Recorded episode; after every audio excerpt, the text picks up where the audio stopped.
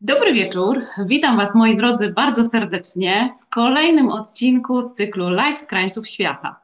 Ja nazywam się Anna Nowotna-Nadziejko, a Wy, moi drodzy, w komentarzu napiszcie, kto jest po drugiej stronie, komu udało się dzisiaj dołączyć i kto wybiera się razem ze mną w kolejną niezwykłą podróż na kraniec świata. Tym razem w 98 odcinku naszych live'ów zabiorę Was, moi drodzy, na Karaiby. Jak widzicie, przygotowałam się już klimatycznie i kolorystycznie do kierunku, o którym będziemy dzisiaj rozmawiali. Ale zanim rozpoczniemy, zanim połączymy się z moim gościem, to chciałabym wiedzieć, kto połączył się dzisiaj z nami, kto jest y, ciekawy tego, co można robić na Dominikanie, czy jest to dobry pomysł na wyjazd właśnie teraz, a z drugiej strony, czy jest to dobry pomysł na wyjazd z klientami lub też pracownikami. Bo jak doskonale wiecie pewnie, a jeśli nie, to z przyjemnością Wam chwilkę o tym opowiem. Biuro Podróży SkyDreams, którego jestem właścicielem, specjalizuje się w organizacji wyjazdów dla firm. Zorganizowaliśmy do tej pory ponad 350 eventów do 80 krajów dla ponad 25 tysięcy osób. Mamy już ponad 15 lat doświadczenia e, podróżowania razem z naszymi klientami na krańce świata. Dzięki podróżom motywacyjnym, które organizujemy, możecie zacieśnić relacje z Waszymi klientami, zdobyć nowe, ciekawe doświadczenia, ale zarazem też zwiększyć sprzedaż. Więc jest wiele aspektów, dla których warto odezwać się do nas, napisać e, krótką wiadomość o tym, e, czego potrzebujecie, w czym moglibyśmy Wam pomóc, albo gdzie Was zabrać. My chętnie Wam doradzimy. Jak wiecie, jesteśmy na bieżąco z tą sytuacją na całym świecie, która się w tej chwili dzieje. Co poniedziałek przygotowujemy dla Was pełen raport z nowymi obostrzeniami, więc y, moi drodzy, zapraszam bardzo serdecznie do kontaktu. W komentarzu dajcie znać, czy byliście już na Dominikanie, bo zarówno ja, jak i mój gość na pewno jesteśmy tego bardzo ciekawi, z kim będziemy do kogo będziemy dzisiaj mówić? E, a kto jest moim gościem? Bo przyszliście tu, moi drodzy, po to, żeby się spotkać, dowiedzieć czegoś więcej o tej niezwykłej karaibskiej wyspie, którą jest Dominikana. Moim dzisiejszym gościem jest Klaudia Kimla. Dobry wieczór, Klaudia. Halo, halo, jesteś z nami. Halo? Cześć, dobry wieczór, jestem, zgłaszam się. Super, witam Cię bardzo serdecznie i dziękuję, że przyjęłaś zaproszenie do naszej dzisiejszej wspólnej rozmowy. E, no i tego doszłyśmy wspólnie do wniosku, że czas rozgrzać klimat w Polsce.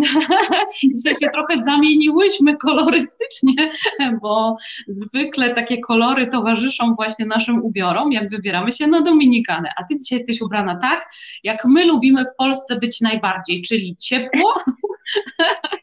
Bo ja wszystkie moje dominikańskie ubrania, które są w takich pięknych, właśnie egzotycznych e, printach, e, to niestety mam wszystko na ramionczkach, więc stwierdziłam, że zamarznę, więc nie podjęłam tego wyzwania. Witam Cię bardzo serdecznie. Klaudia, jakbyś mogła w paru słowach dosłownie powiedzieć, jak się zaczęła Twoja przygoda z Dominikaną, e, ponieważ po pierwsze jesteś przewodnikiem po Dominikanie, mieszkałaś tam przez parę lat i oprowadzałaś turystów, zresztą razem wspólnie otworzyłyśmy sezon na Dominikanie pod koniec zeszłego roku, ponieważ taki wysoki sezon na Dominikanie to jest właśnie początek listopada. My zrobiłyśmy wspólnie grupę. E, o tym też chcę z Tobą porozmawiać, czy jest to dobry pomysł na wyjazd właśnie firmowy. E, no właśnie, ale tak w paru słowach o Tobie. Jesteś w tej chwili w Polsce. E, tak, dokładnie.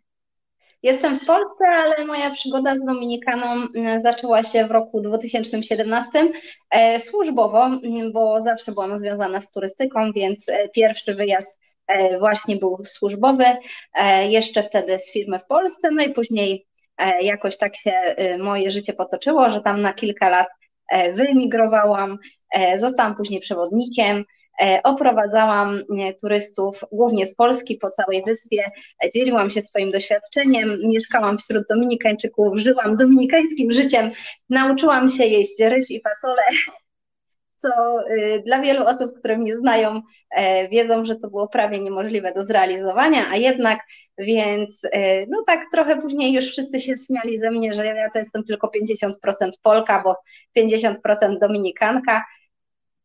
No i tak moje, moje, moje po prostu kilka lat życia spędziłam właśnie z drugiej strony kuli ziemskiej.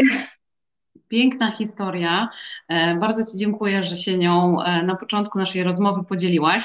Z tego miejsca pozdrawiamy też naszych serdecznych przyjaciół, ekipę Przewodników Bez Granic, więc jeśli nas, moi drodzy, oglądacie, to przesyłamy Wam mnóstwo całusów i serdecznych pozdrowień. Wiecie, że ja jestem ambasadorem współpracy z najlepszymi przewodnikami na świecie i e, Klaudia też jest częścią Przewodników Bez Granic, więc Was bardzo, bardzo serdecznie, kochani, pozdrawiamy.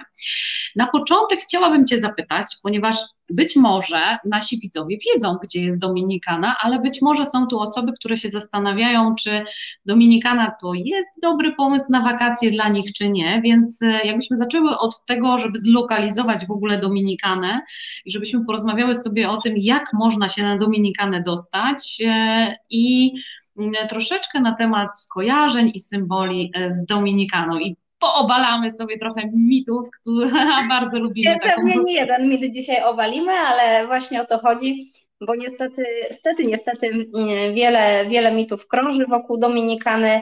E, wiadomo, że każdy z nas, mm, osób, które przebywa w Dominikanie krócej lub dłużej, ma swoje spojrzenie, jest to raczej subiektywna wizja, no ale ja się zawsze starałam być jak najbardziej obiektywna, spojrzeć na różne sytuacje z różnych stron, z tej naszej polskiej perspektywy, z tej dominikańskiej perspektywy, więc zawsze staram się tą rzeczywistość tak wytłumaczyć w miarę, żeby była zrozumiała, chociaż czasem jest niezrozumiała, no bo jednak to jest zupełnie inny kraj, e, daleko od nas, bo to przecież przeszło 8 tysięcy kilometrów, więc no trudno, żeby jedli e, kotleta z mizerią, nie? No właśnie, nie po to jedziemy na kraniec świata, żeby jeść to, co jest na obiad u mamusi. Dokładnie, a lokalizacyjnie to mówimy tutaj o Karaibach, czyli o Ameryce Środkowej. Druga to co do wielkości wyspa e, na Morzu Karaibskim po Kubie, e, no ale też Dominikana, zresztą stąd ten odwieczny spór, czy w Dominikanie, czy na Dominikanie. No właśnie, no miałam Cię o to zapytać.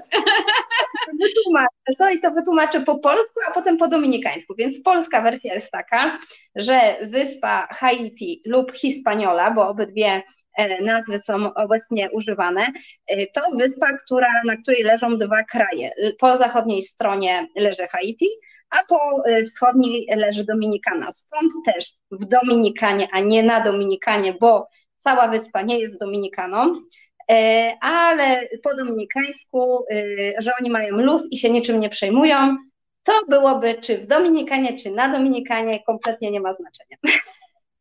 Czyli już mamy pierwszy dobry powód, dlaczego warto wybrać się właśnie teraz na Dominikanę, żeby troszeczkę te, tych napięć, które są w nas na co dzień, spowodowane ogólną sytuacją na świecie i w Polsce, żeby troszeczkę odetchnąć. E, no właśnie, a jak my się możemy w ogóle dostać na Dominikanę, powiedz? E, jest no i e, bardzo, na chwilę obecną to jest bardzo łatwe, dlatego że mamy i połączenia bezpośrednie, właściwie z trzech największych miast, czyli mamy Warszawę, Katowice i Poznań, więc e, łatwo jest się dostać. No oczywiście można z przesiadką przez, e, przez Francję, przez Niemcy, przez teraz bardzo dobrze mm, cenowo wychodzą loty przez Madryt, także tych opcji jest naprawdę wiele.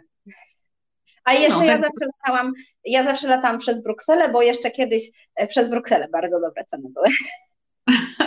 No więc teraz wystarczy sprawdzić albo napisać e, do biura podróży i zapytać, bo można, właśnie, czy Dominikana to jest takie, takie miejsce na świecie, do którego jedziemy do kurortu, czyli kupujemy pakiet cały, czy jest to też takie miejsce na świecie, do którego możemy pojechać i na przykład kupując tylko bilet, y, y, wynająć apartament, mieszkanie, E, właśnie, jak to wygląda? Jaki to typ wakacji możemy sobie na Dominikanie zorganizować? E, no więc tak, e, historycznie e, All Inclusive rozpoczął swoją chwałę właśnie na Karaibach. Zresztą na Dominikanie zaczęły się te pierwsze, jeżeli chodzi o tutaj o Karaiby, o Amerykę Środkową, pierwsze duże resorty rozbudowane, takie wioski wakacyjne. Także głównie tutaj jednak króluje ten typ wypoczynku, czyli w hotelu na All Inclusive.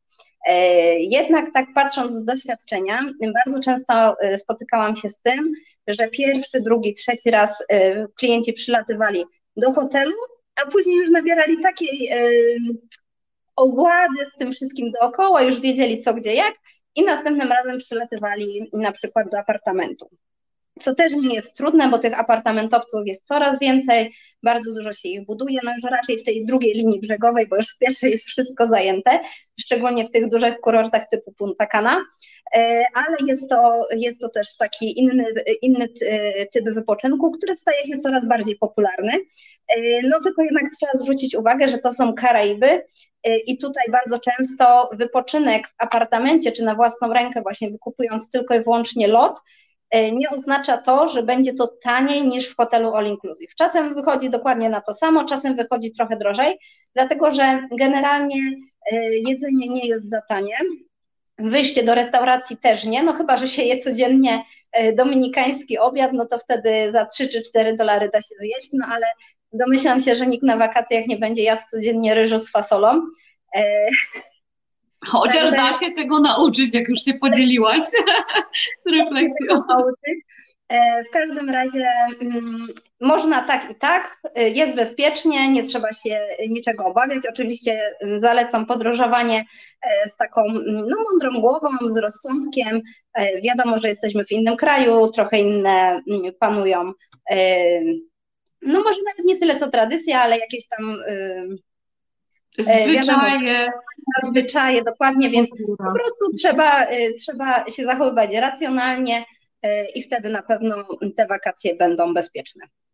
Super, bardzo Ci dziękujemy za te pierwsze protipy e, podróżnicze. E, my staramy się, słuchajcie, inspirować i dzielić z Wami e, właśnie wiedzą, którą zdobywaliśmy przez ponad 15 lat realizacji różnych projektów dla naszych klientów.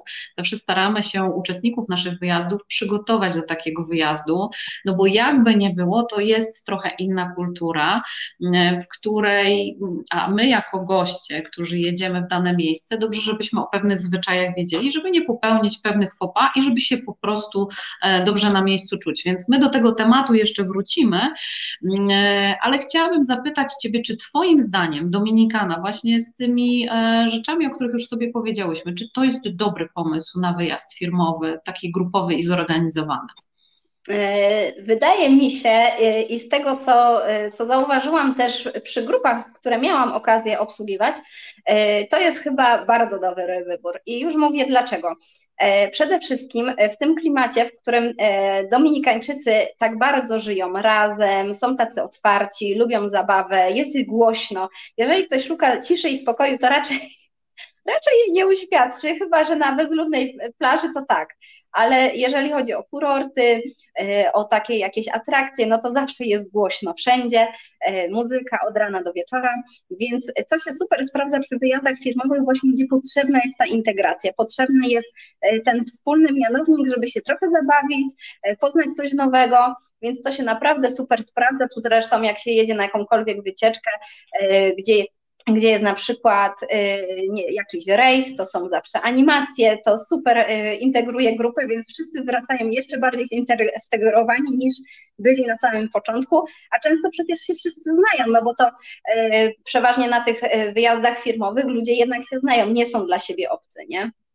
To prawda, to prawda. A jak można sobie poradzić z różnicą czasu? Bo ona jest, prawda? Jest i najważniejsze po przylocie to jest to, żeby nie pójść spać Czyli nawet wtedy, kiedy y, o godzinie 20 jesteśmy padnięci, no bo wiadomo, to jest jednak y, długi lot, często trzeba być przecież na lotnisku 3 godziny przed, czasem ktoś jeszcze nie mieszka koło lotniska, więc musi wcześniej wyjechać z domu, więc z tego się naprawdę no, w pewnym momencie robią prawie 24 godziny na dobę. Y, to najważniejsze jest to, żeby nie zasnąć o 20, no bo jak o 20 zaśniemy, to pobudka o drugiej w nocy jest zmurowana, także mm, najlepiej ten jeden dzień po prostu prze, no, albo sobie pójść na spacer, albo na jakieś show wieczorne, zabawić się troszeczkę, pójść późno spać i wtedy wszystko się szybko wyrównuje. To prawda. No a tą różnicę czasu, którą mamy w tej chwili, e, to jaka jest między Polską a Zimą mamy 6 godzin i latem mamy 5 godzin różnicy. No, to już jest taki czas, który trzeba sobie dobrze rozplanować, e, ale. No przede, przede wszystkim wszystkich e, domowników, którzy zostają w domu, żeby przypadkiem nie dzwonili, no bo to bardzo też często się zdarza, że że jeszcze jest noc na Dominikanie, a tutaj w Polsce ktoś chce zatelefonować, no i później jetlag murowany. Dokładnie tak, ale ma to też, moi drodzy, swój plus, bo wschody słońca na Dominikanie są absolutnie niesamowite. Więc myślę, że każdy z nas, kto nie zastosuje się do końca do tej porady, będzie miał okazję też uczestniczyć we wschodzie słońca, który jest Dokładnie. równie. A jeżeli ktoś spędza wakacje w hotelu, no to też nie ma problemu, no bo bardzo dużo barów jest otwartych do samego rana, także nawet wieczorem tam da radę jeszcze, e, jeszcze coś skorzystać. Tak, aczkolwiek doradzamy obie wspólnie, żeby ten pierwszy wieczór przeciągnąć się troszeczkę i faktycznie wstać, ok, na śniadanie, ale, ale jednak mimo wszystko rano i tą noc spróbować przespać, bo dzięki temu wtedy ten pobyt nam się fajnie poukłada.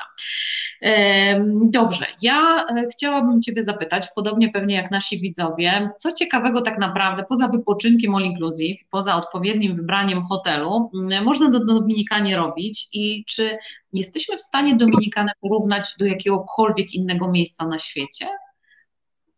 E, no to tak, zacznę od tych atrakcji, bo ja jestem akurat, yy, myślę, że jednym z nielicznych osób, które e, zawsze próbują powiedzieć, że nie wszyscy muszą robić to, co robią wszyscy inni e, i nie wszystkie kury muszą gdakać tak samo w kurniku. Więc ja namawiam zawsze do tego, żeby trochę pójść, e, zboczyć z tych takich, jak mamy jakieś tam zawsze top atrakcje w danym kraju, to żeby trochę jednak zboczyć z tej trasy, żeby zobaczyć coś innego, żeby poznać tą Dominikanę, tak trochę od kuchni, zobaczyć jak ludzie żyją, E, przede wszystkim pojechać tam, gdzie nie ma za dużo ludzi. Wiadomo, ja też rozumiem, że są takie atrakcje typu na przykład Wyspa Saona. Wyspa Saona to jest atrakcja numer jeden chyba na całych Karaibach, czyli rajska wyspa. Zresztą faktycznie jest rajska, no bo jeżeli e, coś ma 100 kilometrów e, kwadratowych, jest głównie pokryte palmami, gajem palmowym, no to jest rajskie, nie ma, nie ma tutaj dużo do gadania. Poza tym jest to prawie bezludna wyspa, E, mówię prawie, no bo mieszka tam jednak niecałe 300 osób e, w małej wiosce. Do niedawna jeszcze nie mieli tam łączności, e, telefony nie działały, ale teraz już na szczęście postawili maszt, więc mają zasięg. To też był taki czas w Dominikanie, kiedy jeszcze nie tak dawno temu, bo to prawie, no może ze trzy lata temu, nie było tam łączności. E, więc tam, jak się rozmawiało z dzieciakami w wiosce, e, jesteśmy na Rajskiej Wyspie, e, wszyscy tam tak się zachwycają, są powyginane palmy, wszyscy sobie robią zdjęcia, turyści zachwyceni, a dzieci, które się tam urodziły, mówiły: Boże, byle na ląd, byle na ląd, kiedy się mogę przeprowadzić na ląd? No bo się okazuje, że na Rajskiej Wyspie to nikomu się dobrze nie żyje, no bo jeżeli nie ma podstawowych takich udogodnień, które dla nas są zupełnie zwyczajne, typu telefon komórkowy, komputer, e, tak? I dzieci wiedzą, że tam na lądzie pół godziny drogi łódką e, dzieciaki to mają, a oni tego nie mają, więc e, wtedy wszyscy się modlili o to, żeby, żeby tylko na ląd się wyprowadzić. No teraz mają marsz, no to mają tam trochę, trochę więcej cywilizacji, mają baterie słoneczne, więc jest i prąd Także y, zaczyna się to zmieniać, ale dalej to jest prawie bezludna, bezludna wyspa. Więc ja to rozumiem, że większość osób chce to zobaczyć, bo jest to zupełnie zrozumiałe. Wiadomo, to jest taki trochę symbol Dominikany. E, no ale z drugiej strony jest mnóstwo miejsc takich trochę mniej uczęszczanych, E, Klaudia, ja, ja, mam, ja mam taką małą niespodziankę dla naszych widzów, ponieważ mamy przygotowaną taką krótką prezentację, e, więc myślę, że to dobry moment, żebyśmy troszeczkę uchyliły drzwi i pokazały to, o czym Ty za momencik jeszcze będziesz nam opowiadać. Spróbuję. Opowiadaj, kochana, Dobrze, a my to ja opowiadam. Mnie to czasem stopować, bo jestem człowiek dygresja i człowiek anegdota, więc... My tak w turystyce mamy, tak, piloci tak mają, że zaczynają zaczynają o jednej rzeczy opowiadać, a że tak powiem tych wątków dookoła Dokładnie. jest bardzo dużo podobnych. Dokładnie, więc y, powiem tak, wszystko y, jest też uzależnione od tego, gdzie te wakacje spędzamy, dlatego że w Dominikanie mamy powiedzmy trzy główne ośrodki turystyczne i jest to Punta Cana, Bajaibe, czyli tutaj mamy od strony Morza Karaibskiego i oceanu, właśnie tam, gdzie najbliżej jest do portu, właśnie żeby popłynąć na wyspę Saona. E, no a z drugiej strony mamy też e, Puerto Plata, no i Samana, tak, Półwysep Samana. Także wszystko zależy od tego, gdzie wypoczywamy. No i tak ja bym e, generalnie doradzała, nie podążanie za tym, gdzie wszyscy inni jadą, tylko tam, gdzie wypoczywam, czemu tam wypoczywam, czyli co mnie przekonało, żeby jednak wybrać ten, a nie inny region Dominikany. Czyli jakby nikt koniecznie kierować się ceną i tym, gdzie jest hotel, tylko jednak trochę pomyśleć, dlatego że bardzo często jednak jest tak, że bardzo nieświadomie e, turyści wybierają swoje hotele i nagle się okazuje, że wychodząc na plażę piasku nie ma białego, tylko jest żółty. No ale to nie przyszedł ktoś w nocy i go nie pomalował, żeby on się nie podobał, tylko po prostu nie wszędzie jest biały piasek e, dookoła Dominikany.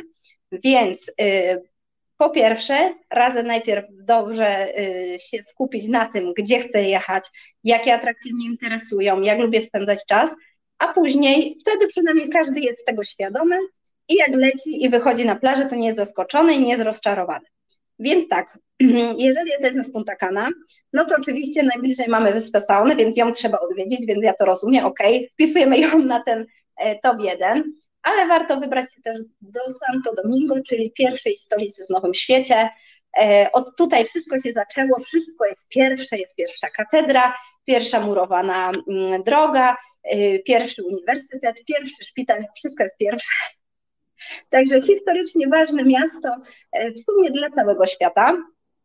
No i później warto też z Punta Cany wybrać się na Półwysep Samana. I Półwysep Samana jest bardzo takim wdzięcznym miejscem, dlatego że możemy i wybrać się z Punta Cany i jak jesteśmy na Półwyspie Samana, no to mamy rzut beretem, ale jak jesteśmy w Puerto Plata, to też nie ma tragedii, 3,5 e, godzinki drogi e, autobusem i jesteśmy na miejscu. E, więc na Półwyspie Samana przede wszystkim mamy przepiękne, dzikie plaże, których nie ma już wcale tak dużo, dlatego że coraz więcej jednak tych resortów powstaje też na dzikich plażach, więc tam jeszcze na szczęście się uchowały, także tam można E, można, można je pozwiedzać, można, zdarza się tak, że jest się samemu na plaży, e, także jest naprawdę mm, przepięknie. E, no teraz jest taki specyficzny czas, dlatego że mm, przy Półwyspie Samana w Zatoce właśnie od połowy stycznia do połowy marca mniej więcej można oglądać humbaki, które przypływają sobie właśnie do Zatoki na okres godowy. Także E, obserwacja wielorybów. Jest to dosyć specyficzna wycieczka. E, trzeba się trzeba jakby być przygotowanym na to, że to nie jest zo i to nie jest tak, że tam jakiś trener klaśnie dwa razy i wieloryby wyskakują jak z procy e, z tej, z tej wody, tylko może się tak zdarzyć, że czasem widać grzbiet, czasem widać płetwę, czasem widać ogon, czasem super wyskoczy i wtedy jak faktycznie ten wieloryb wyskakuje, no to robi to takie wrażenie, bo to jednak jest ogromne zwierzę, E, zaraz obok łódki, więc to robi super wrażenie, ale nie zawsze się tak zdarzy. E, ale powiem szczerze, że nawet y, tak mi się wydaje, że jeżeli ten wieloryb przepływa koło łódki y, i widać, jaki on jest ogromny, no to to i tak i tak robi wrażenie. Robi, no i robi. później na Półwyspie Samana przede wszystkim mamy wodospad Limon, największy w tej części Dominikany, także warto też, e, warto też zobaczyć, chociaż dojście jest dosyć ekstremalne, więc to też nie jest wycieczka dla każdego, bo tam jednak albo trzeba dość pieszo, albo trzeba dojechać konno, także e, albo tak, albo tak. No i jeszcze jak jesteśmy w tym regionie, no to warto zahaczyć o wyspę Bacardi, słynna wyspa Bacardi, która naprawdę taką nazwę geograficzną to Cayo Levantado. E, no a wyspa Bacardi, e, taka nieoficjalna nazwa, wzięła się z rekla reklamy rumu Bacardi, który właśnie był kręcony na tej wyspie. E, no i później jak jesteśmy już powiedzmy mówiłam tu, tu. Jeszcze jak jesteśmy w Punta Cana, no to w Punta Cana najlepiej wybrać się gdzieś dookoła, żeby poznać trochę tej lokalnej Dominikany, więc warto wybrać się do miasta Igłej, stolica prowincji La Alta Gracia, gdzie mamy bazylikę przede wszystkim, gdzie był papież Jan Paweł II, e, który ją poświęcił. No i później e, tam warto się wybrać na targowisko. To jest takie dosyć, e, dosyć ciekawe przeżycie, bo to pełno przypraw, ale oprócz przypraw, no oczywiście jakieś dziwne rzeczy, czyli na przykład wiszące mięso na haku. E, no i może wytłumaczę, jak to jest z tym mięsem, bo e, to jest zawsze takie drastyczne. E, nie zawsze wszyscy chcą, chcą tam pójść, no bo zapach jest dosyć specyficzny, szczególnie, że temperatury w Dominikanie właściwie przez cały rok to jest plus minus 30 stopni, no plus minus 3 stopnie różnicy, tak? Bo taka jest mniej więcej różnica między latem a zimą. E, więc e, no, a mogę w miejscu Cię zapytać o jedną rzecz, Klaudia. Zaraz wrócimy Miało. do tego miasta i do tego rynku, ale poruszyłaś temat temperatury, bo to pytanie też się często przewija. Kiedy jest najlepszy, czy jest coś takiego jak sezonowość na Dominikanie? Czy to jest tak, że na Dominikanę można przez cały rok pojechać? Jak to, jak to wygląda? Bo różnicy temperatur za dużej nie ma, tak jak powiedziałaś. Dokładnie. Różnica pomiędzy latem a zimą, bo tylko w Dominikanie są dwie pory roku, e, wynika tylko i wyłącznie z faktu, że jest inna wilgotność, czyli e, zimą, tak samo jak w Polsce, czyli ten okres listopad, e, marzec mniej więcej, to jest niska wilgotność powietrza, więc jest około 27-30 stopni i jest przede wszystkim takie uczucie dosyć rześkie. Nie mówię, że jest zimno, ale wieczorem, yy, chociaż nie, turystów nigdy nie widziałam w swetrze, takim nawet cienkim. A ja chodziłam, ale chodziłam też w jeansach. A przez pierwszy rok, jak poleciałam, to wydawało mi się to w ogóle niemożliwe, że nigdy nie ubiorę jeansów w Dominikanie, a później już chodziłam w jeansach. To może nie jestem dobrym przykładem. W każdym razie w tym okresie listopad, e, e, marzec jest rzeźko, czyli dobrze się oddycha, jest bardzo przyjemnie, jest i fajnie do poplażowania, i fajnie do pozwiedzania. A znowu od mniej więcej druga połowa kwietnia, maj zaczyna się lato i wtedy no, wilgotność wzrasta bardzo dużo, bo tam mamy prawie wilgotność powiedzmy na poziomie 90-95%, więc wydaje się, że jest gorąco, E, bardzo dużo osób, które są nieprzyzwyczajone do takiej wilgotności, po prostu e, ma wzmożoną potliwość w tym czasie. E, no a znowu wszystkim to pasuje, bo jak ktoś leci na Dominikanę, to chce, żeby mu było gorąco, nie? Więc to, generalnie turyści są zawsze zadowoleni. Więc tutaj w tym okresie powiedzmy maj, wrzesień, październik jest po prostu bardziej gorąco ze względu na tą właśnie wzmożoną wilgotność. Super, bardzo Ci dziękuję, bo to jest coś, co wzbudza zawsze Chociaż duże zainteresowanie. Pogodzie, jak jesteśmy przy tej pogodzie, bo już pewnie nie będziemy wracać do tego tematu, e, no to jednak e, warto byłoby wspomnieć o tym chyba, co najbardziej martwi osoby, które się wybierają e, na Karaiby generalnie, czyli okres huraganowy i może wyjaśnię, jak to wygląda w Dominikanie, bo generalnie ja bym bardzo się tym nie martwiła. Pogoda jest super przez 12 miesięcy w roku. E, bardzo rzadko się zdarza tak, że jak jest pora deszczowa, czyli ta pora deszczowa teoretycznie od maja do października, to to nie jest taka pora deszczowa jak w niektórych miejscach w Azji, że leje od rana do nocy po prostu i Bangkok płynie po prostu jedną wielką rzeką.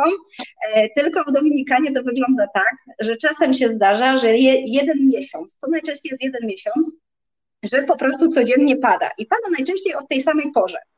E, I na przykład w 2017 roku w październiku padało od 5 do 5.30 rano, czyli jak wszyscy wstawali rano, to myśleli, że się nic nie działo, no bo to przecież już wyparowało, to tam ten deszcz te pół godziny to w ogóle nie miało znaczenia. W 2018 był taki maj, że padało codziennie od 18 do 18.30, jak z zegarkiem w ręce po prostu, 18 ulewa. Po prostu ja już kiedyś przez przypadek, bo już wiedziałam, że pewnie o tej 18 będzie padać i jakoś się tak wydarzyło, że jednak byłam no, na mieście, że tak powiem, e, to prawie silnik w samochodzie zalałam, bo po prostu no, zrobiła, się, zrobiła się rzeka na, na, na ulicy, no bo zanim to spłynie, no to tam akurat na ulicy trochę minie, bo wiadomo, że tam tych studzienek mało. Także e, to naprawdę bardzo rzadko się zdarza. I teoretycznie w Dominikanie jest ta pora sucha i deszczowa, ale to jest naprawdę teoria, dlatego że dzisiejsze zmiany klimatu są tak bardzo zauważalne, szczególnie w tych właśnie ciepłych krajach, że na przykład zdarza się to, że w porze suchej, czyli w styczniu, w lutym zdarza się deszcz, na przykład 2-3 dni pada. I no, teoretycznie nie powinno tak być, ale te zmiany klimatyczne są tak bardzo zauważalne, że pada nawet w porze suchej, więc tak bardzo to bym się tym deszczem y, akurat nie sugerowała. A huragany przychodzą do Dominikany raz na jakiś czas, czyli na przykład w tym roku był w lipcu huragan, który trwał dwa dni, w sensie no nie trwało, pogoda powiedzmy załamała się na dwa dni, e, ale poprzedni huragan był w 2017 roku. Mhm. Czyli odstęp pomiędzy jednym i drugim trwał 4 lata, nie? Także to nie jest coś takiego, co się bar bardzo warto tam e, przyjmować. Poza tym Dominikańczycy też mają e, swoje, swoje specyficzne podejście do huraganów e, i może to jest, ja wiem, że inaczej się żyje, jeżeli ktoś urodził się w kraju, gdzie te po prostu huragany go nawiedzają, to nie ma, nie ma takiego strachu, no bo ludzie się już przyzwyczaili, tak? E, no ale tak, Dominikańczycy mm, na przykład chronią się tak przed huraganem, bo to szczególnie te, e, te miasta, które są mm, nad, e, nad morzem czy tam nad oceanem, zalepiają taśmą klejącą szyby w oknach na krzyż. No to jeżeli porównujemy to na przykład do Miami, tak, do Florydy, gdzie mają antyhuraganowe szyby w oknach, żaluzje antyhuraganowe, no to w Dominikanie taśmą klejącą szyba na, na krzyż. Później bardzo często jest tak, że jeżeli, no są wiadomo takie zawody, które y, są uzależnione na przykład od tego, że muszą być na zewnątrz, tak? Czyli generalnie wszyscy ci, którzy się zajmują powiedzmy wycieczkami z turystami, tak? No to na, jak idzie na przykład taki huragan i tak było właśnie w 2017 roku, to wszyscy mieli trzy dni wolnego. To po prostu była jedna wielka impreza w Dominikanie, bo się nikt tym kompletnie nie przejmował, że jest huragan, tylko że są trzy dni wolnego i mogą sobie posiedzieć w domu. No i wtedy taka e, mapka krążyła e, po WhatsAppie i ta mapa była podzielona na różne kolory właśnie strefy w Dominikanie. I to było tak, że czerwoni to byli ci, którzy byli właśnie w pobliżu oceanu, morza i tak dalej. No i oni byli niby najbardziej zagrożeni, a tam była tak, pod spodem była taka legenda i było napisane: Możecie pić dużo rumu. Była strefa pomarańczowa, zalecany rum i piwo. I strefa zielona, a wy pracujecie. no, także naprawdę to y, trzeba wiedzieć naprawdę z przymrużeniem oka, bo y, huragany y, takie bardzo mocne nawiedzają Dominikany bardzo rzadko. Y, ostatni taki mocny huragan był tam w latach 90 no to faktycznie krowy latały y, po prostu z pola pomiędzy, wiecie, gdzieś tam po prostu ją zaniosło 20 kilometrów dalej, ale to naprawdę było bardzo, bardzo dawno temu. Była zniszczona rafa koralowa, prawda, bo tak. E, na Dominikanie też można, słuchajcie, spróbować nurkowania, wiecie, że jest to jedna z moich pasji, natomiast e, no nie ma co w tej chwili oczekiwać e, takiej bardzo rozbudowanej i różnorodnej rafy koralowej, bo właśnie po przejściu tego huraganu ona została została dość mocno zniszczona. Niemniej jednak e, wspomniałaś jeszcze o jednym ciekawym wątku, a mianowicie tym, że jeździłaś tam samochodem. A to jest moje kolejne pytanie. E, czy w takim razie, w jaki sposób możemy się przemieszczać po Dominikanie? No bo jak jedziemy na zorganizowaną wycieczkę, no to jedziemy autokarem. Możemy też się oczywiście przespacerować, bo warto i ja Was do tego naprawdę serdecznie zachęcam i mam nadzieję, że Klaudia za chwilę to potwierdzi, że Dominikana jest na tyle bezpiecznym miejscem, że to nie jest tak, że jak przyjedziecie do kurortu, to musicie mm, siedzieć tylko za bramą, otoczeni e, płotem w, w hotelu i w ogóle nigdzie nie wychodzić. Tylko właśnie, jak już chcemy trochę poeksplorować wyspę, to w jaki sposób możemy to zrobić? Wiemy już, że możemy e, pojechać na zorganizowaną wycieczkę. E, możemy pojechać na zorganizowaną wycieczkę, możemy się przespacerować i tutaj e, na przykład wskazane są spacery plażą, bo plaże są bardzo długie, więc można kilometrami iść i iść. Tylko teraz tak, bardzo ważną kwestią jest to, że podczas takiego spaceru, który może trwać kilka godzin, trzeba przynajmniej kilka razy się dosmarować kremem z filtrem. E, bo e, tego się no, nie czuje, jak się idzie ból, na początku. Może być ból, mogą być e, ogromne pęcherze, więc szkoda bólu. Teraz tak, bardzo ważną kwestią, myślę, ze względu na bezpieczeństwo, to jest to, że jeżeli wychodzimy na plażę i idziemy gdzieś spacerem, to idziemy tam, gdzie są hotele. Czyli jeżeli widzimy, że nagle jest pusto, jest jakaś dzika plaża, nie ma nikogo, no to lepiej po prostu odwracamy się i wracamy z powrotem. Najczęściej jest tak, że przynajmniej godzinę, dwie godziny można iść w jedną stronę spokojnie, bo dalej są hotele, e, są ludzie, więc wtedy jest bezpiecznie, wiadomo, e, później na tych dzikich plażach, wiadomo, że może być różnie, zresztą też nawet e, z takiego pragmatycznego punktu widzenia, na przykład takie, mm, to się chyba larwy piaskowe nazywa, i to bardzo często właśnie występuje na dzikich plażach, na takich, gdzie nikogo nie ma, e, no to później można się po prostu nabawić jakiejś wysypki. E, więc e, tam raczej nie. No a znowu, jeżeli wychodzimy w drugą stronę, czyli wychodzimy spoza hotelu na miasto, warto też wybrać taki hotel, który miałby w miarę blisko miasta, bo są i takie hotele, które raczej do miasta mają daleko. No to oczywiście możemy pójść. Dominikańczycy w 70% e, produkt krajowy brutto to jest głównie z turystyki, więc o turystów i turystykę bardzo dbają.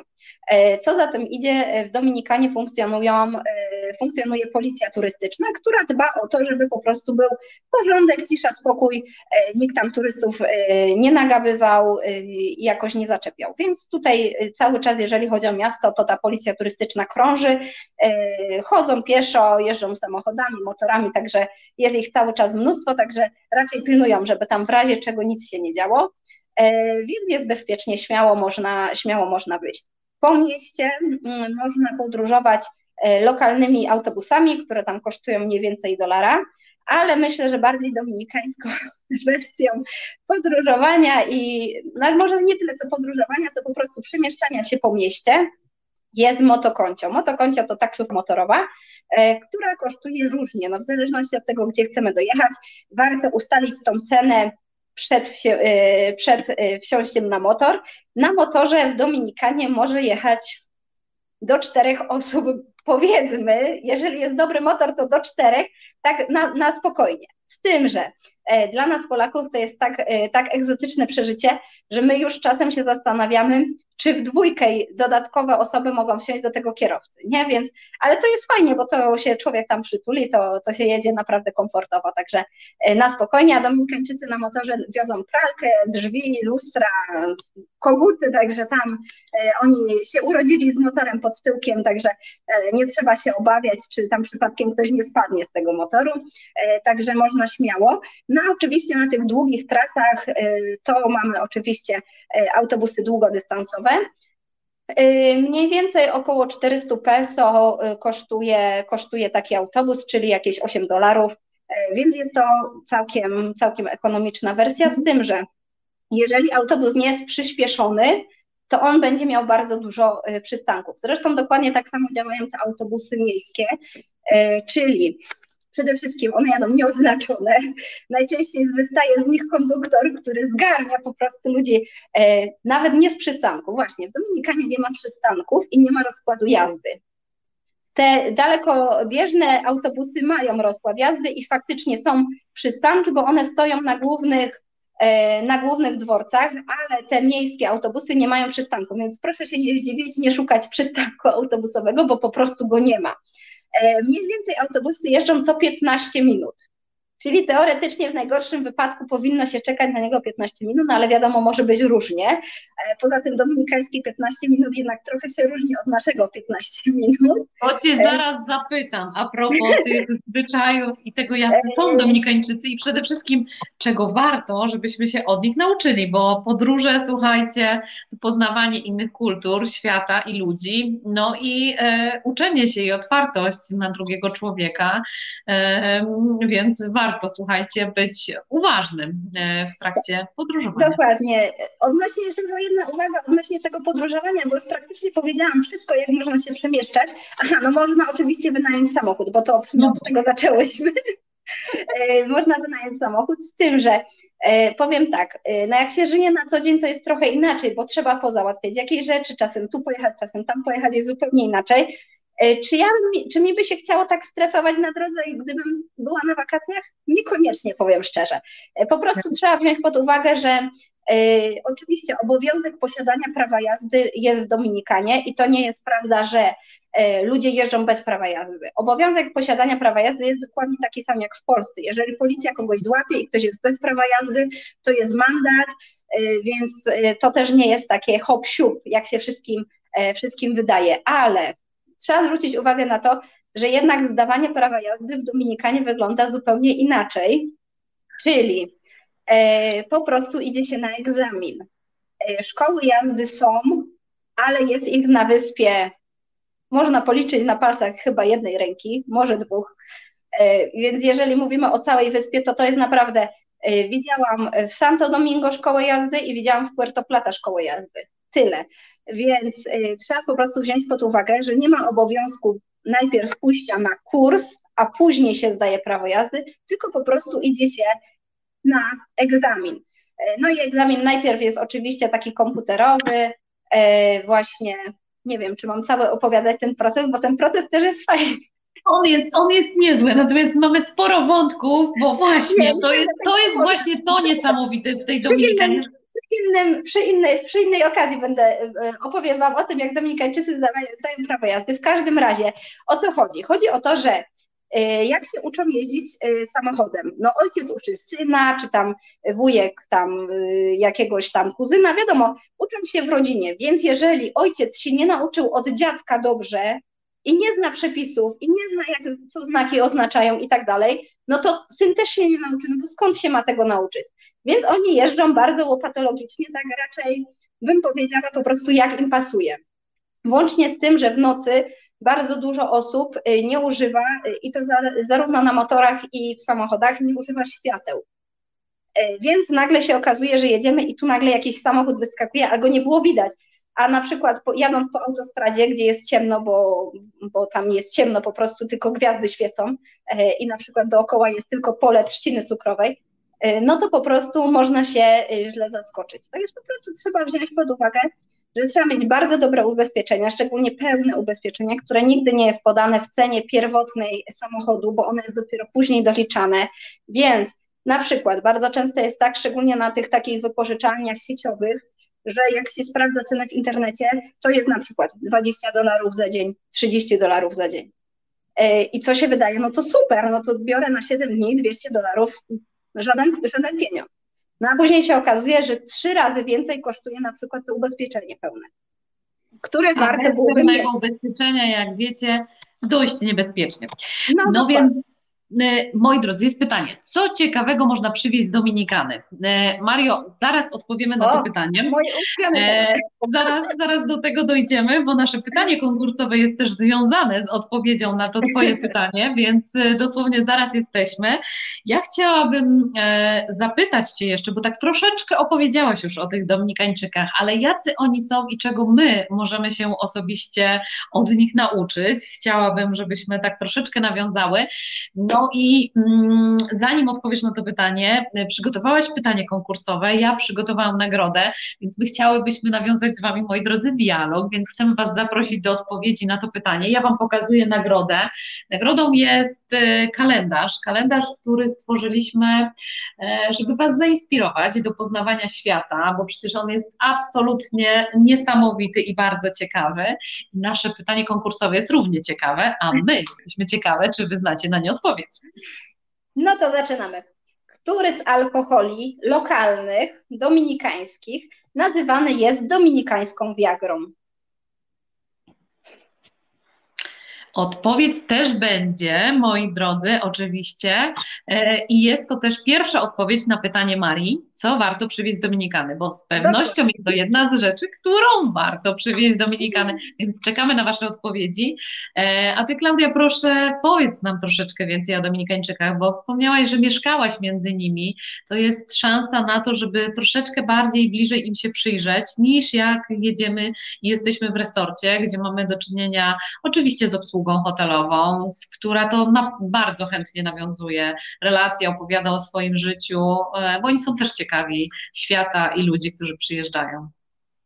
E, no więc może jeszcze nawiązując przy okazji e, to, jacy oni są do tego tematu transportowego, to na przykład, jeżeli już się gdzieś wybieracie i pytacie kogoś o drogę albo jak coś znaleźć, to tak bierzcie to powiedzmy, że przez palce, czyli tak 50% może być to prawda, 50% może być to nieprawda.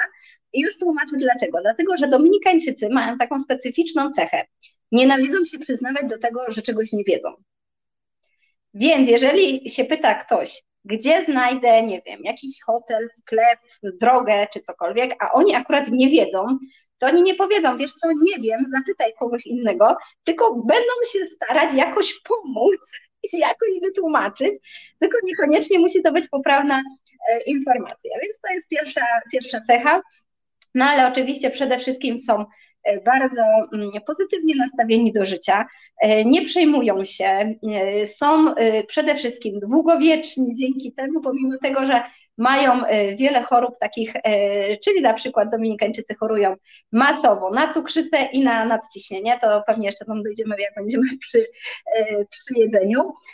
No ale właśnie pomimo wszystko, generalnie tam jest taka niepisana zasada nie narzekania, czyli wszyscy mają problemy oni mają naprawdę większe pewnie problemy niż my y, w Polsce, y, ale pomimo wszystko y, swoje problemy zostawia się za drzwiami swojego domu. Koniec, kropka. E, mhm. Nie, nie wylewa się żalów na wszystkich napotkanych ludzi dookoła, czyli jeżeli ktoś jest chory, to nie mówi wszystkim dookoła o tym, że jak bardzo jest chory, jak go noga boli i jak go głowa boli, tylko po prostu mówi, że jest dobrze. E, I ten, no bo zresztą e, mają podejście bardzo religijnie, więc mają podejście, że tak i tak trzeba dziękować Bogu za każdy dany dzień, więc e, mają bardzo pozytywne usposobienie.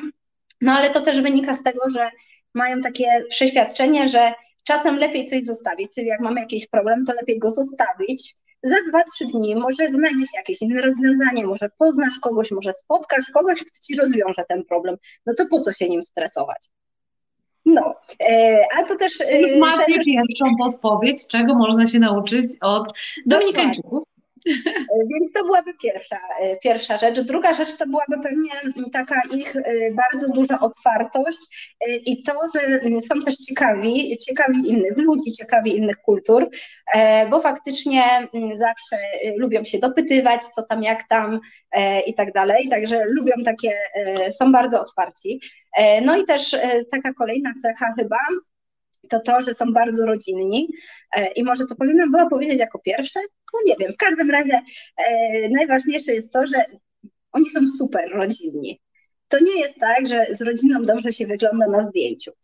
E, jakieś 4 lata temu chyba bardzo popularne w Dominikanie stały się czaty rodzinne na WhatsAppie. Na tym czacie na WhatsAppie, ja nie wiem, czy tam naprawdę nie ma ograniczenia ilości osób na tym czacie.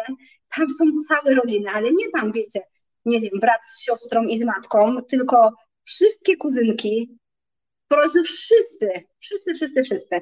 Naprawdę, to tacy ludzie, którzy yy, czasem naprawdę, no wiadomo, że też nie wszyscy się widują codziennie, bo nie wszyscy mieszkają koło siebie, ale po prostu wszyscy rano, pierwszy, pierwszy to jest poranek, czyli wszyscy wstają i mówią dzień dobry, yy, błogosławią się, życzą sobie miłego dnia, Potem naj, najlepsze jest 12.30. 12.30 to jest taka pora, kiedy każdy Dominikańczyk, jeżeli jest zdrowy na umyśle, powinien zjeść obiad. Czyli o 12.30 wszyscy się pytają, a zjadłeś już obiad? A był dobry obiad? A ryż był? Jak nie było ryżu, to nie było obiadu. To jest kolejna rzecz. E, więc oni są super mega rodzinni, e, bardzo dużo czasu spędzają razem, no ale jak tutaj y, też czemu oni mają takie duże rodziny może, bo y, taki model rodziny w dzisiejszych czasach to jest powiedzmy 2 plus 3 y, i to się bardzo zmieniło na przestrzeni lat, ale powiedzmy, że y, pokolenie naszych rodziców mniej więcej, czyli jakieś tam 50 plus, to są takie rodziny 2 plus 11. Chyba taki, no jakby to powiedzieć, chyba najwięcej, y, jak usłyszałam i spotkałam i poznałam, to było 2 plus 16. To już jest niezły wynik, słuchaj, taka rodzina na Whatsappie, no, to, już, to już budynki nie są potrzebne. Czasem święta, bo święta to też jest taki specyficzny czas, że jednak bardzo dużo osób się spotyka z tej rodziny, nie? No bo część osób żyje bardzo blisko siebie i to jest bardzo często tak, że mieszkają dziadkowie, obok mieszka jeden, jeden syn, drugi syn, tam jakaś córka, kolejna córka, ale E, jednak bardzo dużo osób też wyjeżdża z, na przykład ze wsi, tak, e, do miasta, no i wtedy na przykład spotykają się na święta, no to na świętach też nie siedzą wszyscy razem przy stole, no bo tych ludzi jest tyle po prostu, e, że czasem trzeba znosić krzesła z czterech domów na przykład dookoła, żeby w ogóle wszyscy mogli usiąść, także to też jest takie bardziej biesiadowanie, chodzenie od jednego domu do drugiego, więc są bardzo, bardzo rodzinni. E, no i są takie, chyba tam ostatnią cechę, którą bym powiedziała, to, że są mm, bardzo tacy mm, tradycyjni, e, nie lubią nowości, e, czyli na przykład jeżeli oni wymyślili, wynaleźli baciatę, czyli dominikański taniec numer jeden,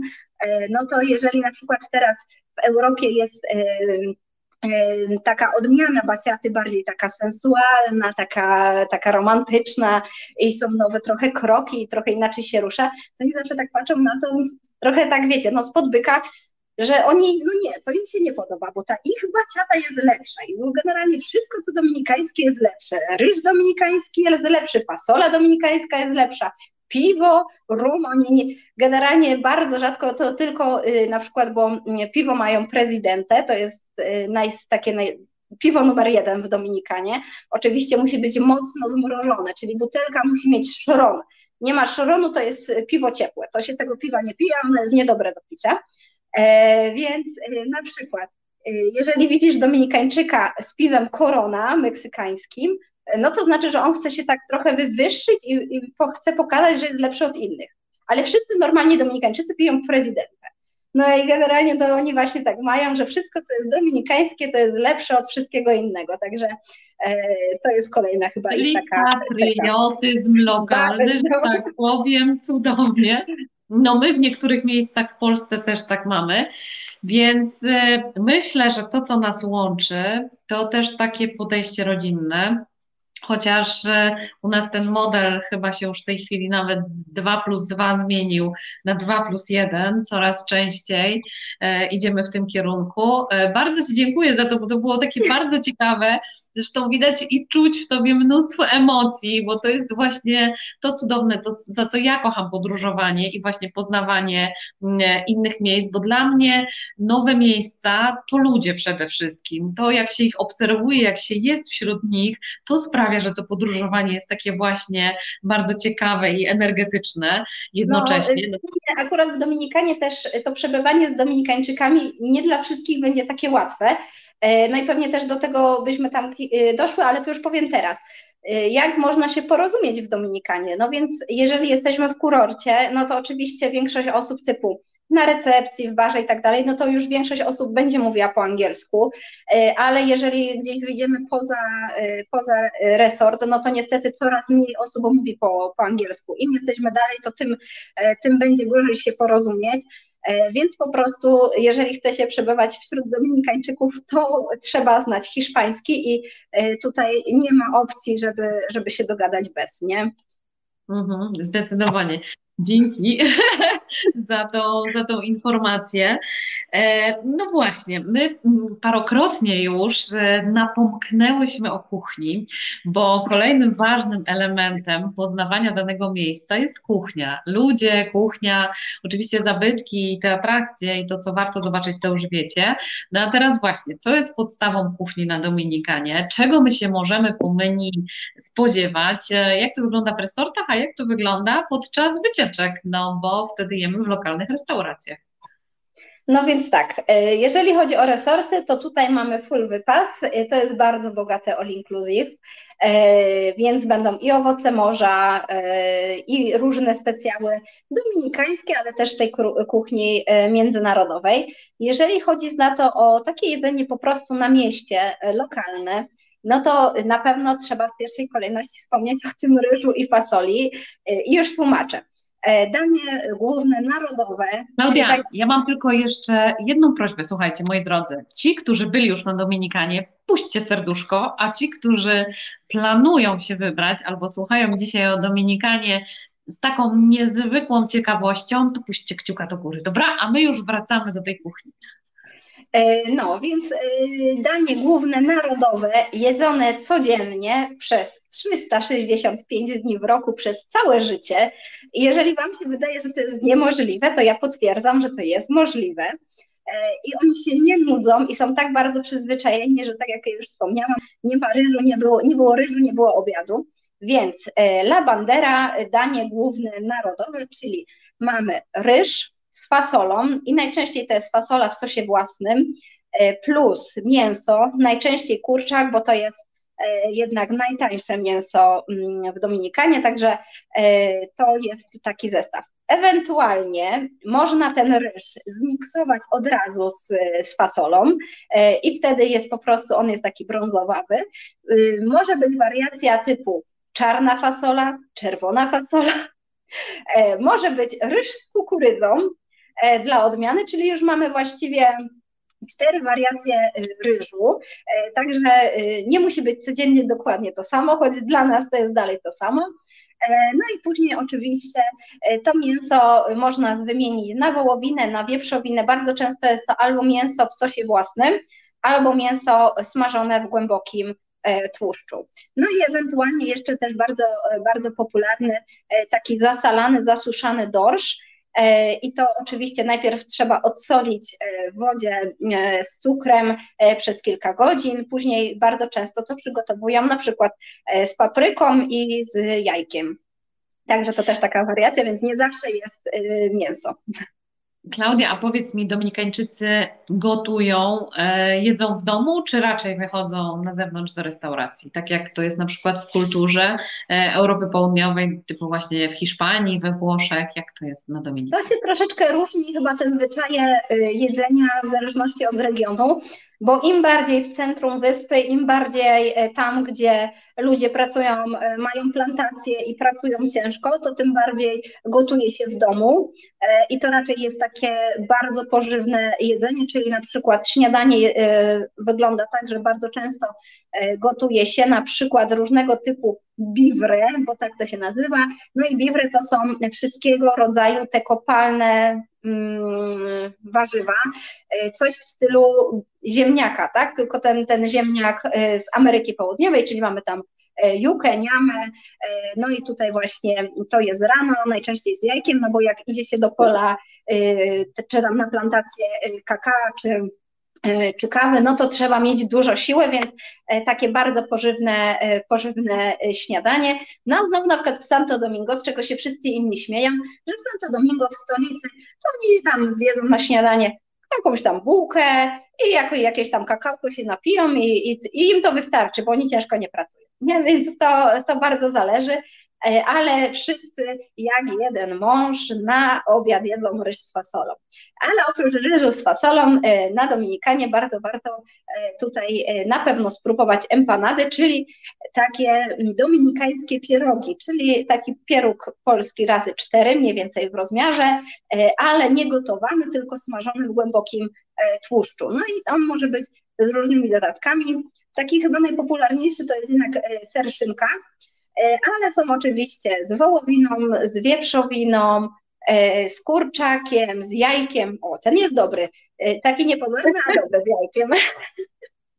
Także empanada, to też bardzo, najczęściej chyba na ulicy też spotkać właśnie z rana, bo to takie śniadanko na szybko, co tam można, można złapać. No i oczywiście do tego najczęściej sok ze świeżych owoców.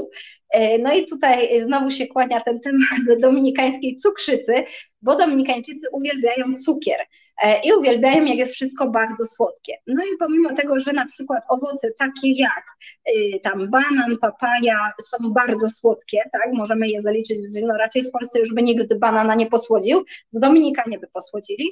E, rozumiem, że też są takie owoce typu marakuja, która jest dosyć kwaśna i może tam faktycznie trochę tego cukru e, się, się przyda, czy na przykład tamaryndowiec, E, bo on też jest dosyć, e, dosyć kwaśny, no ale oni trochę przesadzają, bo mniej więcej na szklankę cukru, e, na szklankę, przepraszam, napoju około dwóch, trzech łyżek cukru idzie, także to też trzeba uważać, jeżeli gdzieś, gdzieś będziecie zamawiać soki naturalne, to trzeba powiedzieć pani, że bez cukru.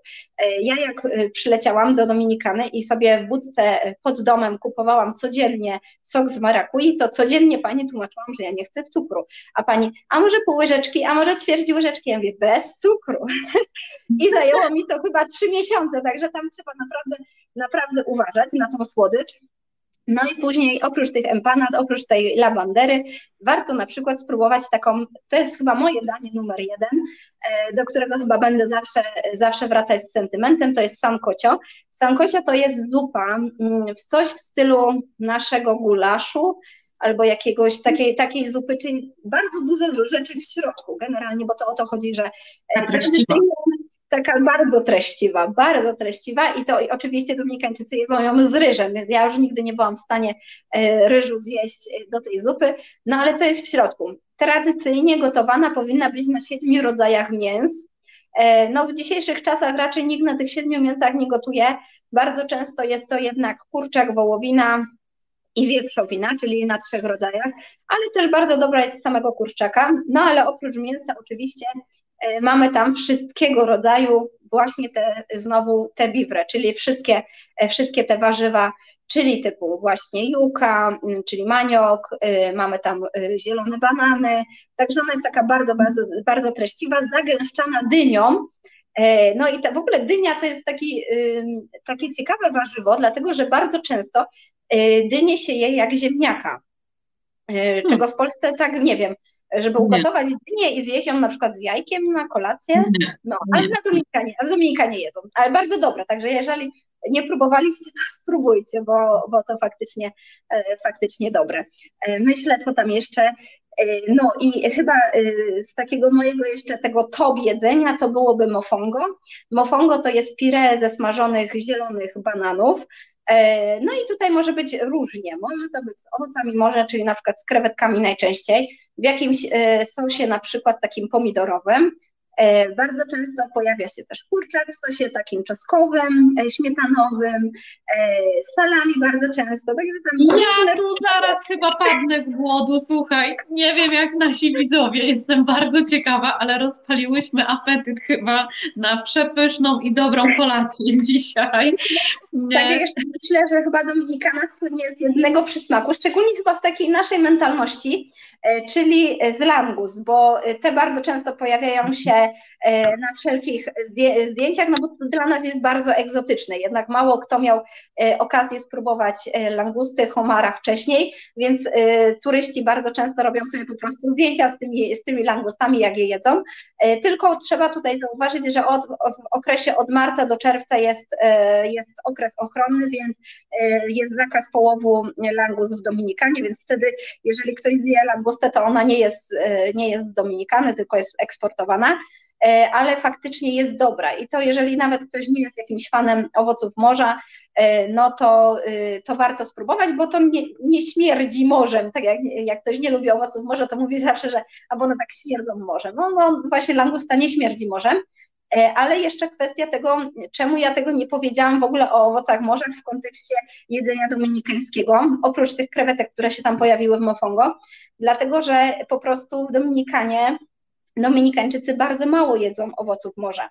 Owoce morza to nie jest najtańsze jedzenie, więc e, jeżeli idzie się do restauracji, to to nie jest pierwszy wybór Dominikańczyków, którzy zarabiają tam 350 e, dolarów miesięcznie, tylko po prostu no, to jest taki rarytas, bardzo dużo jednak turystów, e, turystów się, się tym zajada.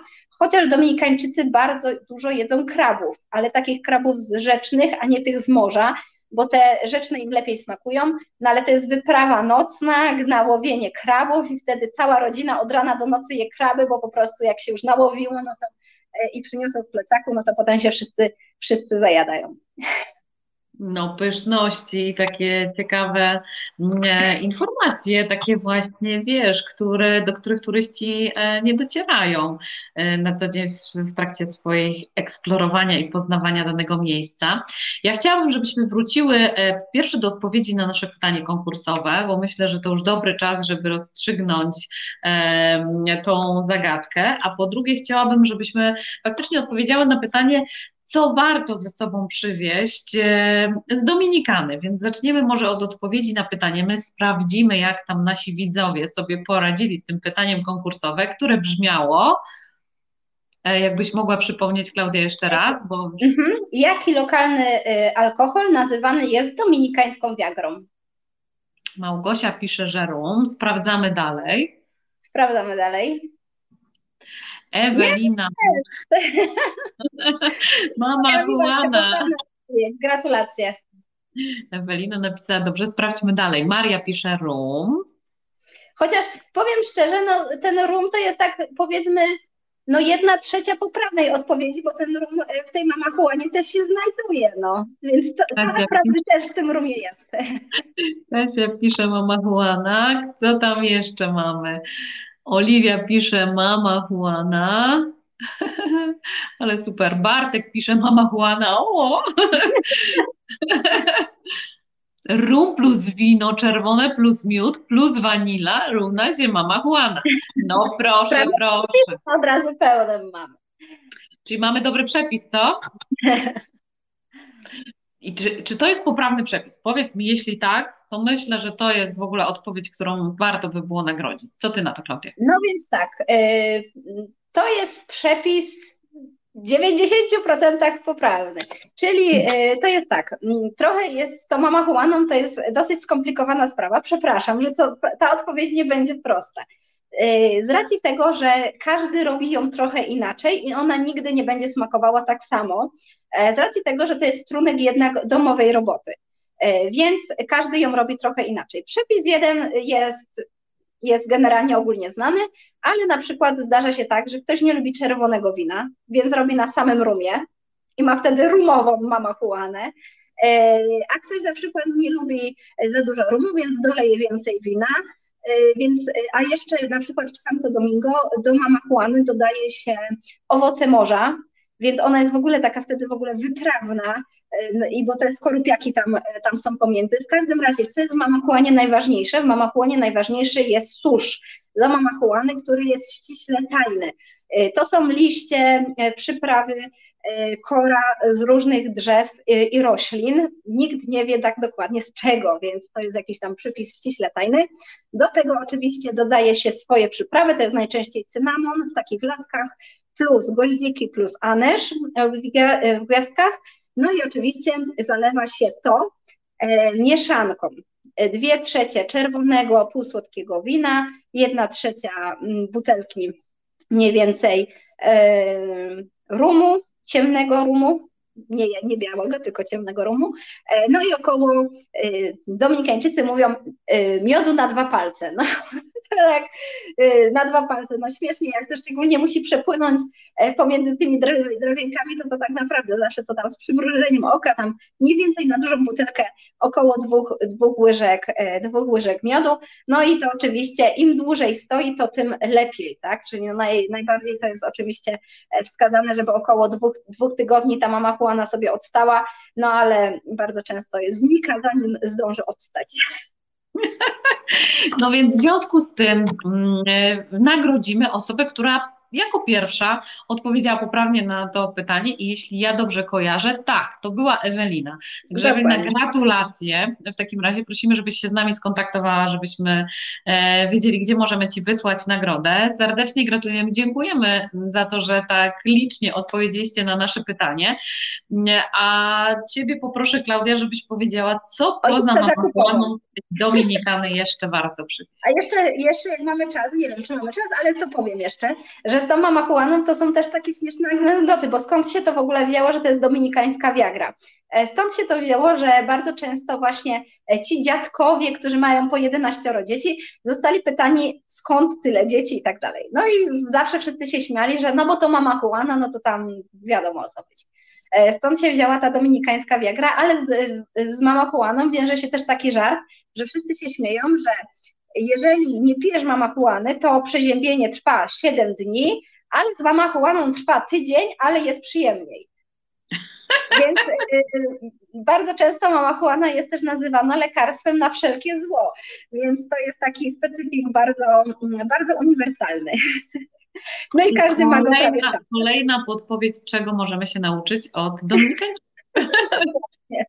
E, ale miałam też, to taka mała dygresja jeszcze odnośnie tej mamachuany, no bo jeżeli ktoś kupi butelkę mm, z suszem w środku i wypije tą mamachuanę, to ją spokojnie można napełnić jeszcze raz.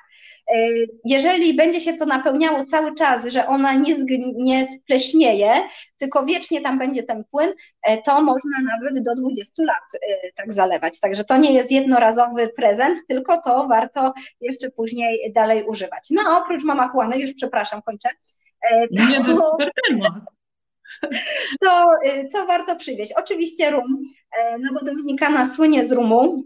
E, co ciekawe, 85% produkcji dominikańskiego rumu zostaje na wyspie i wcale Dominikańczycy się do tego nie przyczyniają, bo oni na co dzień to piją piwko, właśnie to, to super zmrożone, a y, za to właśnie turyści na All Inclusive się przyczyniają do tego dużego spożycia rumu w Dominikanie.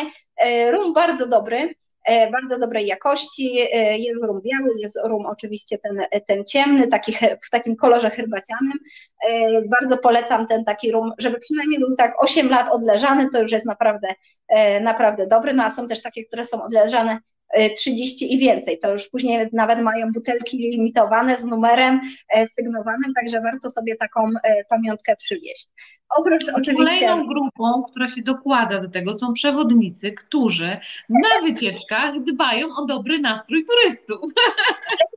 Karaibski zwyczaj po prostu, że ten rum się zawsze po, faktycznie pojawia na tych wycieczkach, e, no i jego nigdy nie brakuje. No to, to jeszcze mi się nie zdarzyło, żeby rumu na wycieczce brakło, to jest racja.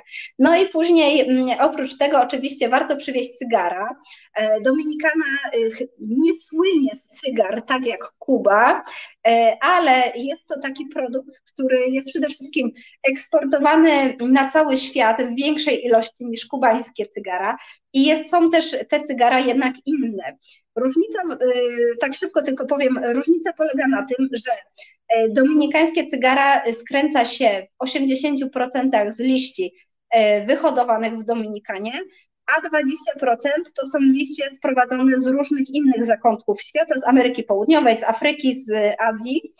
E, I jakby co to daje? To daje fakt, że jeżeli e, cygaro jest z liści mieszanych, to w trakcie palenia e, smak cygara ewoluuje i on się zmienia. Jeżeli byłoby to liście tylko i wyłącznie z jednego kraju, to ten smak od początku do końca byłby dokładnie taki sam, a tutaj jednak ten smak się zmienia. Dobra, dalej.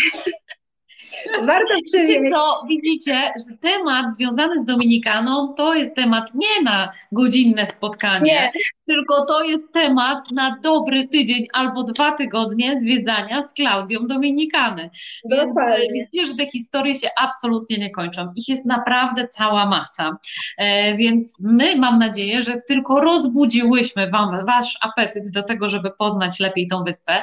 Jeśli będziecie się wybierać na Dominikanę i będziecie mieli jakieś pytania związane związane z organizacją swojego pobytu, zawsze możecie do Klaudii napisać. Klaudia też prowadzi e, swojego bloga o Dominikanie. Możecie ją znaleźć na Instagramie, możecie znaleźć ją na Facebooku, a jeśli myślicie o zorganizowaniu takiego firmowego, grupowego wyjazdu, to możecie się oczywiście odezwać do nas, do SkyDreams, chętnie w tym pomożemy, a widzicie, że my jak usiądziemy i zaczynamy rozmawiać, to po prostu te rozmowy się nie kończą. I tak samo się nie kończą wieczory na Dominikanie, które są roztańczone, które są cudowne, bo jest fantastyczna pogoda, świetna muzyka, dobry rum, więc czego chcieć więcej, żeby móc poczuć życie i. E, I jeszcze dobra kawa do tego wszystkiego, a kawę Dominikańczycy uwielbiają, piją od rana do nocy. E, kawa to jest praktycznie, e, bo oczywiście Dominikańczycy w domach swoich e, parzą kawę w kawiarkach, więc kawiarka jest cały czas na, na kuchence postawiona i właściwie co chwilę tylko się nowa kawa robi. Wszyscy uwielbiają, nie piją w dużych kubkach, co jest, co jest właśnie, co ich odróżnia od nas. Oni piją kawę w malutkich takich filiżaneczkach, bardziej do espresso. Jest bardzo słodka oczywiście, no ale też kawę robią po swojemu.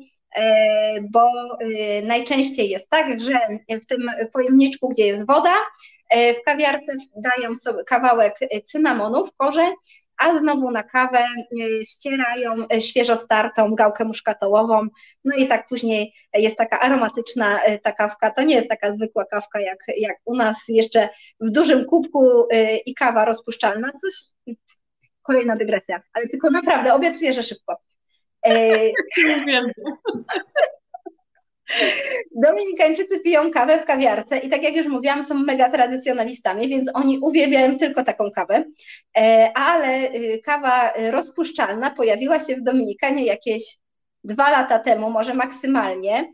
E, no i jest to kawa marki Nescafe, która jest w takich malutkich e, opakowaniach, kosztuje 10 chyba dolarów, jak dobrze pamiętam. E, no i stoi tak na tej półce w tym supermarkecie, no i tak stoi i się kurzy, bo jej nikt nie kupuje, wszyscy kupują kawę Santo Domingo. Zresztą ta jest najbardziej popularna. To też bardzo często się pojawia, jaką przywieźć kawę. No więc kawa Santo Domingo jest najbardziej popularna. Najbardziej popularna oczywiście ta czerwona, to jest mielona. Jest też oczywiście wersja brązowa i to jest ta sama kawa, tylko w ziarnie, ale dokładnie z tej samej, e, z tej samej produkcji jest też kawa taka czarna z Indubana, którą bardzo serdecznie polecam, bo to jest kawa w ziarnie, ale jest 100% e, arabika, a ta Santo Domingo to jest mieszanka robusty z, z arabiką. Ale jest o jedna i druga jest dobra, ale warto wypróbować tą bitą. Uwaga na kawę zieloną, bo kawa zielona jest bezkofeinowa. E, dobra, dalej. No więc mam nadzieję, że siedzicie wygodnie, bo Klaudia się dopiero rozgrzewa, moi drodzy, i tak jest właśnie na wycieczkach. Te opowieści się nie kończą. Nie ma czegoś takiego jak przejazd autokarem i wszyscy śpią, a pani przewodnik coś tam sobie mówi. Nie, nie, moi drodzy.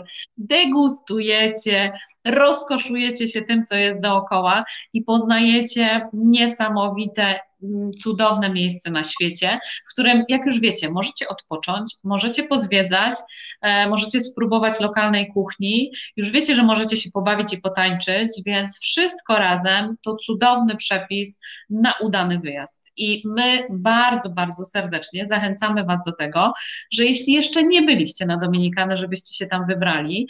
Mhm. Mam nadzieję, że jakąś fajną grupę zorganizujemy, pojedziemy tam wspólnie, Klaudia, i Ty nam to wszystko, o czym opowiedziałaś dzisiaj, pokażesz. Jeszcze nie powiedziałam wszystkiego.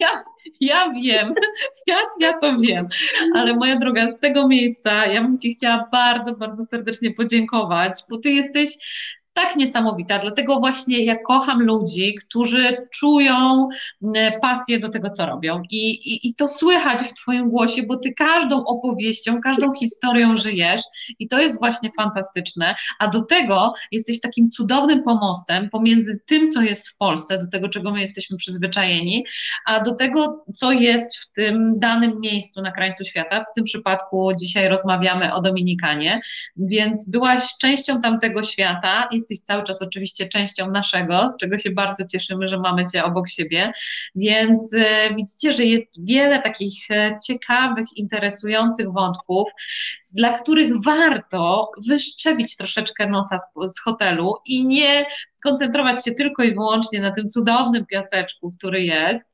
e, ale zobaczyć też to, co jest, to życie, które jest dookoła.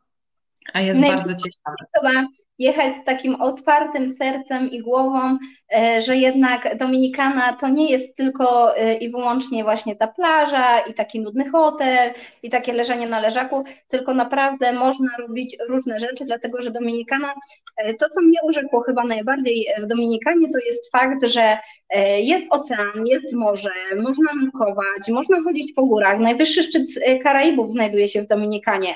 Więc jeżeli ktoś lubi z, zmęczyć, to też jest gdzie się zmęczyć. Można uprawiać rafting, e, można chodzić po dżungli, są wodospady, są rzeki przepiękne, e, są przepiękne jeziora.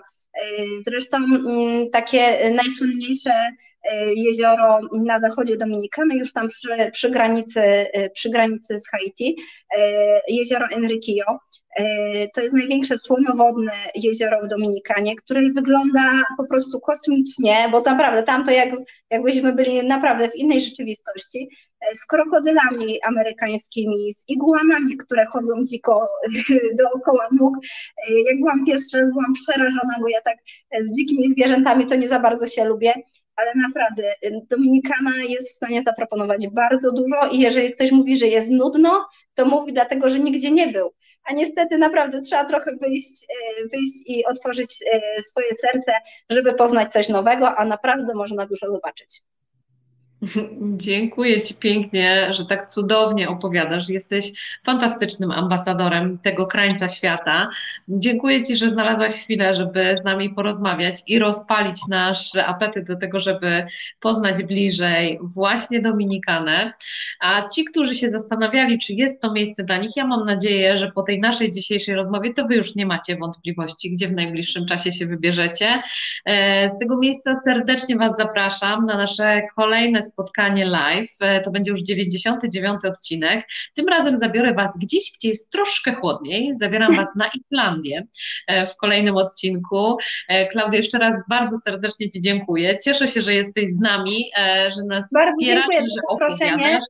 Y, pewnie wszystkiego nie powiedziałam, ale jeżeli macie pytania, to śmiało, y, Ania na pewno zostawi kontakt do mnie, można śmiało pisać na Instagramie, y, a ja z, z tego miejsca publicznie obiecuję, że będę nagrywać znowu, ponownie podcast o Dominikanie, także jeszcze można będzie posłuchać w internecie przed wyjazdem, po, po przyjeździe o Dominikanie na pewno o niejednej ciekawostce. Trzymamy Cię za słowo. Słyszało to już wiele osób. No Poszło właśnie, dlatego to zrobiłam, bo nie miałam motywacji, ale jak teraz powiedziałam to publicznie, to nie będę miała wymówki. Trzymamy Cię za słowa. My obiecujemy, że udostępnimy też te informacje oczywiście. Moi drodzy, dziękuję, że byliście dzisiaj z nami. Trzymajcie się ciepło, wszystkiego dobrego i zapraszamy na Dominikanę.